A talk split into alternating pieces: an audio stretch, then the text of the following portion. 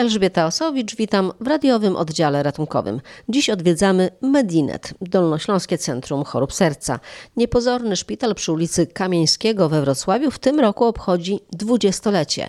Ma na swoim koncie tysiące operacji kardiochirurgicznych u dzieci i dorosłych. Na rozmowę o tym, jak szpital poradził sobie w pandemii i w czym się specjalizuje, umówiłam się z dyrektorem zarządzającym Anną Farmas. Czekając na panią, oglądam sobie różne statuetki, nagrody, nagrody. No i do tych nagród licznych, które ma już szpital, dochodzi następna, menadżer roku. To, żeby sobie zasłużyć na taką nagrodę, to co trzeba zrobić? Rozumiem, że przynosić spółce pieniądze. Akurat to jest chyba jedną z ostatnich rzeczy, która się udała. nie możemy się aż tak bardzo tym pochwalić, a to wynika raczej z faktu, że po pierwsze nie zrealizowaliśmy kontraktu kardiochirurgicznego, który mamy z Narodowym Funduszem, a przecież wszyscy nasi pacjenci to, to pacjenci NFZ-osy, a to przez fakt, że no, byliśmy przez 8 miesięcy szpitalem covidowym. I teraz nadal jesteście w części. Tak, w połowie wciąż jesteśmy szpitalem covidowym, co sprawia taką trudną sytuację, bo z jednej strony nie możemy operować, bo jesteśmy szpitalem covidowym, z drugiej strony nie, nie y, zajmujemy się chorymi, a z trzeciej strony NFZ mówi, no ale sorry, myśmy podpisali z wami umowę, w związku z tym macie wobec nas zobowiązanie. I to jest taki dualizm, który się staramy teraz pogodzić. Może z tego względu też była to nagroda, niewątpliwie przez fakt, że jesteśmy szpitalem niepublicznym, co sprawia semantyczny problem faktycznie w języku polskim, bo wydaje się, że jeżeli prywatny, to na pewno za pieniądze prywatne, a to absolutnie w szpital jest 100% szpitalem, który współpracuje na NFZ. Na mapie Wrocławia wasz szpital, chociaż właśnie w 100% na NFZ, to nie jest tak powszechnie znany. Ja nie mówię w środowisku medycznym, bo w środowisku medycznym, kardiologicznym jesteście znani. Natomiast w takiej publicznej świadomości jest tak, aha, a to prywatny szpital, to nawet nie próbuje. Spotyka się Pani z czymś takim? Nie słyszałam nigdy od pacjentów. Może dlatego, że trafiają do nas bezpośrednio ze szpitali kardiologicznych właśnie, z oddziału. Już poleceni, już wiedzą. Tak, tak, tak. Czyli ze wszystkimi oddziałami kardiologicznymi, z którymi współpracujemy. Faktem jest, tego roku i teraz w styczniu obchodziliśmy 20 lat istnienia. To jest przepiękna rocznica i od 20 lat jesteśmy na mapie potrzeb oczywiście gdzieś tam we Wrocławiu i w, i w okolicy, bo jesteśmy po pierwsze szpitalem jedynym, który operuje w południowo-zachodniej Polsce dzieci kardiochirurgiczne zabiegi wykonujemy dla dzieci, więc jest to znaczące. Po drugie, jesteśmy tak naprawdę drugim ośrodkiem w Polsce, który równolegle operuje dorosłych i dzieci. To też ma swoją wagę. I chyba trochę zaniedbaliśmy marketing. na to wygląda. W związku z tym y, może faktycznie nie jesteśmy mocno hałaśliwi, nie jesteśmy, po prostu wykonujemy bardzo sumiennie swoją pracę. Serca nie przeszczepiacie, ale czym się specjalizujecie? Serc nie przeszczepiamy faktycznie, bo są to zadania dla, dla jednostek wskazanych. Z takiego ośrodka pochodzimy, ponieważ wszyscy pochodzimy ze Śląskiego Centrum Chorób Serca w Zabrzu, więc wiemy, co to znaczy transplantacja i wiemy, co znaczy prowadzenie pacjentów i jakie za tym stoi zaplecze ludzi. Zresztą patrzy na nas Zbigniew Religa z portretu. tak, patrzy na nas statusie, bo tak o nim zawsze mówiliśmy. Faktycznie wiemy, o co chodzi, jeżeli chodzi o przeszczepy serca, o wspomagania. To profesor Cichoń, który który jest prezesem Dolnośląskiego Centrum Chorób Serca, jest najlepszym przykładem, bo był najmłodszym kardiochirurgiem, jeżeli nie w Europie, to nie wiem, czy nie w świecie, który przeszczepił serce właśnie w Zabrzu. Ale czym się specjalizujemy? Na pewno chirurgia małoinwazyjna, zarówno u dorosłych, jak i u dzieci. I jesteśmy z tego dumni, rozwijamy to, chcemy to dalej mocno szlifować. Małoinwazyjna, czyli z małych dostępów, żeby traumatyzacja pacjenta była jak najmniejsza. Zarówno pacjent y, dorosły jest już troszeczkę innym pacjentem niż operowany operowany 20 lat temu, bo jest to pacjent dużo starszy, jest to pacjent wymagający y, z wieloma chorobami współistniejącymi, e, pacjent, który goi się i rekonwalescencja jego przebiega w dużo wolniejszym trybie. Mamy oczywiście jako jedyny ośrodek kardiochirurgii dziecięcej, dużo operujemy dzieci.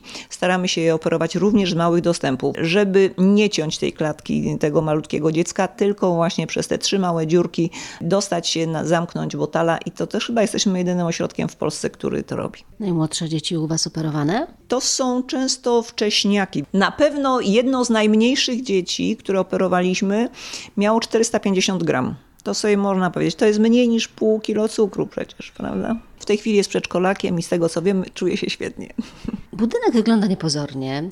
Na dole widziałam punkt szczepień, punkt przyjęć, poradnie i od razu blok operacyjny. Gdzie wy się tu mieścicie? Właśnie, budynek wygląda bardzo niepozornie i jest to budynek, który dzierżawimy od Wojewódzkiego Szpitala Specjalistycznego i coraz nam jest ciaśniej. Nie ukrywamy, że jest to ogromny dla nas problem, bo zarówno jeżeli chodzi o infrastrukturę techniczną, którą musimy podnosić, bo podnosimy też y, technologicznie, te zabiegi są, wyglądają inaczej i to jest dla nas wyzwanie właśnie, nad którym będziemy pracować w najbliższym czasie. Jak modernizować i co zrobić z tą naszą dziedziną, która jest bardzo wymagająca technologicznie, ale myśli Pani o nowym budynku, nowym szpitalu, nowej lokalizacji, czy rozbudowie, dobudowaniu bardzo, piętra? Bardzo chcielibyśmy, nie możemy, ponieważ to nie jest nasz budynek, więc inwestycja w cudzy majątek nie wchodzi w ogóle w rachubę. To jest y, sprzeczne ze wszystkim. Jesteśmy w trakcie rozmów, bo różne warianty są brane pod uwagę i rozwój tutaj na miejscu, ale z jakąś gwarancją, bo umowy tutaj są, mamy przedłużane co na 8-10 lat.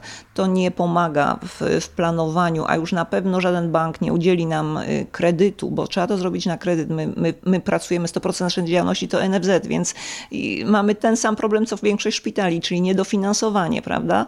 Więc żaden bank nie udzieli nam kredytu, kiedy inwestujemy w cudzą nieruchomość. I jest to nasz największy problem. Blok operacyjny, inne szpitale, choćby po sąsiedzku właśnie, specjalistyczny szpital chwalą się najnowocześniejszymi sprzętami. Jak jest u Was? Myślę, że z tą nowoczesnością nie jest całkiem źle. Nie jesteśmy sobie w stanie zorganizować w tych przestrzeniach sali hybrydowej. To jest nasz największy problem. Natomiast mamy najnowocześniejszy tor wizyjny 3D, który właśnie pozwala na, na wykonywanie tych mało inwazyjnych zabiegów.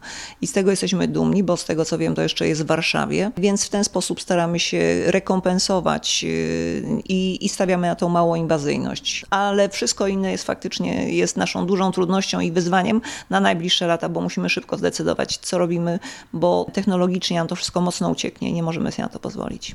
Obok od lat stoi Da Vinci robot. Czasem korzystacie z niego? Były rozmowy na ten temat, że może, może można byłoby. No jest to dość spory problem. Myślę, że problem leży po pierwsze w finansowaniu procedur robotowych, które dopiero chyba teraz Agencja Rozwoju Technologii gdzieś dopuszcza w części.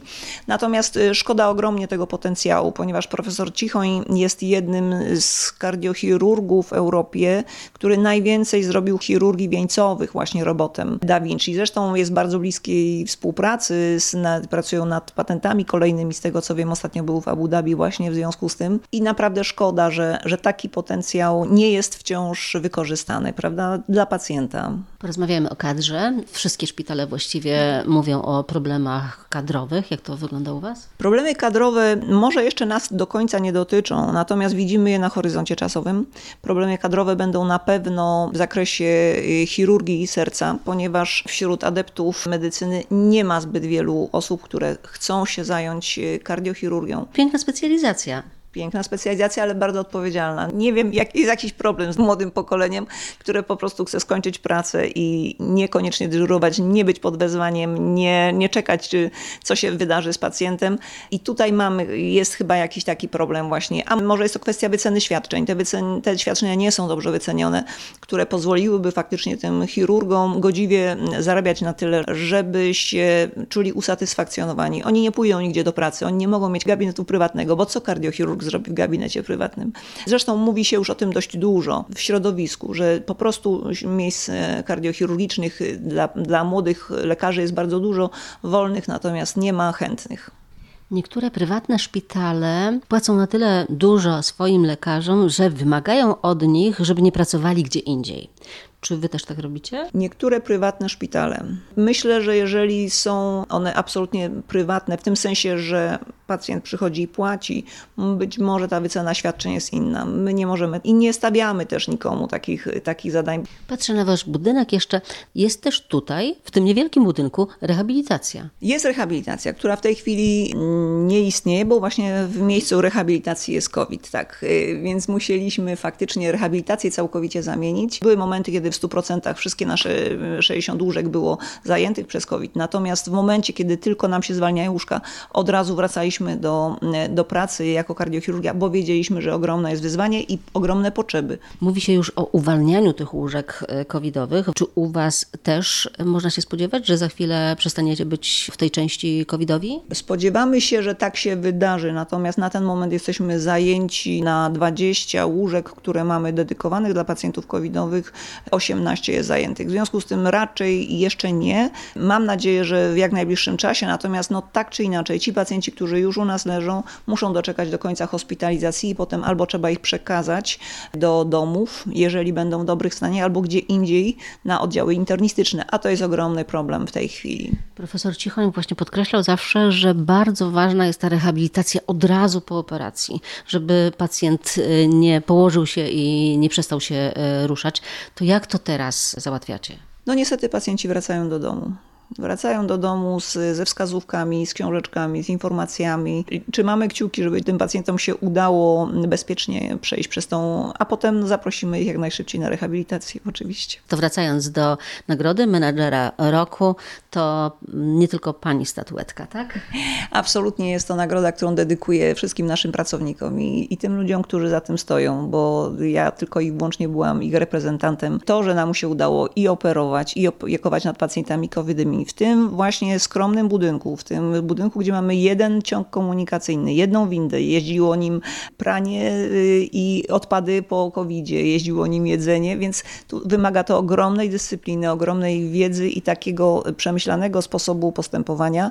To wszystko, że to się wydarzyło, że się nikt w międzyczasie nie zakaził, że bezpiecznie przez to przetrwaliśmy i my, i pacjenci, i covidowi, nie covidowi, to tylko i wyłącznie zasługa zespołu i tą nagrodę zdecydowanie dedykuję naszym moim współpracownikom wszystkim. Jeszcze zapytam o szczepienia u Was. Jak w Waszej kadrze to wygląda? Ponieważ jesteśmy szpitalem węzłowym, więc dostęp do wiedzy mamy, kto jest wyszczepiony, kto jest niewyszczepiony. Oczywiście, że mamy. Nie wiem nic na temat tego, żeby ktoś był niewyszczepiony z tej kadry, więc cieszę się bardzo, że wykształcenie do czegoś zobowiązuje jednak tych naszych kolegów i cieszę się, że, że tak jest. Natomiast przystąpiliśmy do szczepień od razu, jak tylko się pojawiła taka możliwość i od 1 stycznia 2020 21. Szczepimy, mamy ponad 40 tysięcy szczepień. Szczepiliśmy w Szczepciobusie razem z MPK. To nasz zespół jeździł i rozpoczął tą całą akcję. Ponad 6 tysięcy tam szczepień zostało zrobionych, więc wydaje się, że, że szczepienia są po pierwsze bardzo ważne, a po drugie my, no kto jak to, ale tutaj w tym środowisku na pewno wszyscy mają świadomość, jak są ważne. Jeżeli leżą u nas pacjenci w szpitalu, to są pacjenci niezaszczepieni, to są pacjenci, którzy z niezrozumieniem pytają, czy przeżyją. Mamy świadomość, że to, co się dzieje w tej chwili w pandemii i z zachorowaniami, to się dzieje naszym kosztem, bo my nie powinniśmy się zajmować pacjentami covidowymi. Ci wszyscy ludzie, ci pacjenci powinni być wyszczepieni, przechodzić to w domu w bezpieczny sposób. Ta fala dotyczy teraz najsłabszych, najsłabszych, czyli najstarszych i najbardziej schorowanych. I oni są ofiarami tak naprawdę antyszczepionkowców. Nie mam obaw, muszę to powiedzieć wprost. Uważam, że ta grupa antyszczepionkowców jest po prostu odpowiedzialna za śmierci tych ludzi. One się wcale nie powinny zdarzyć. To są ludzie, którzy są często mocno splątani. To są ludzie, którzy są podatni na różnego rodzaju teorie, a teraz tracą życie i jesteśmy wobec tego bezradni po prostu. Zmieniają tu zdanie na oddziale? Czasami tak. Mamy taki pacjent, tak, obok niego umiera druga osoba. To też zastanawia się, dlaczego on się nie zaszczepił, prawda? Dlaczego był taki, taki niepoważny? No przecież na, nawet gdyby się zaszczepił, nawet gdyby zachorował, to leżałby w domu, być może posiedziałby te, na izolacji 5-6 dni a najstarsi, najbardziej schorowani, oni płacą teraz cenę najwyższą za to, że się nie zaszczepili i to jest straszny wyrzut sumienia dla nas wszystkich. W radiowym oddziale ratunkowym dziś to już wszystko. Elżbieta Osowicz, do usłyszenia.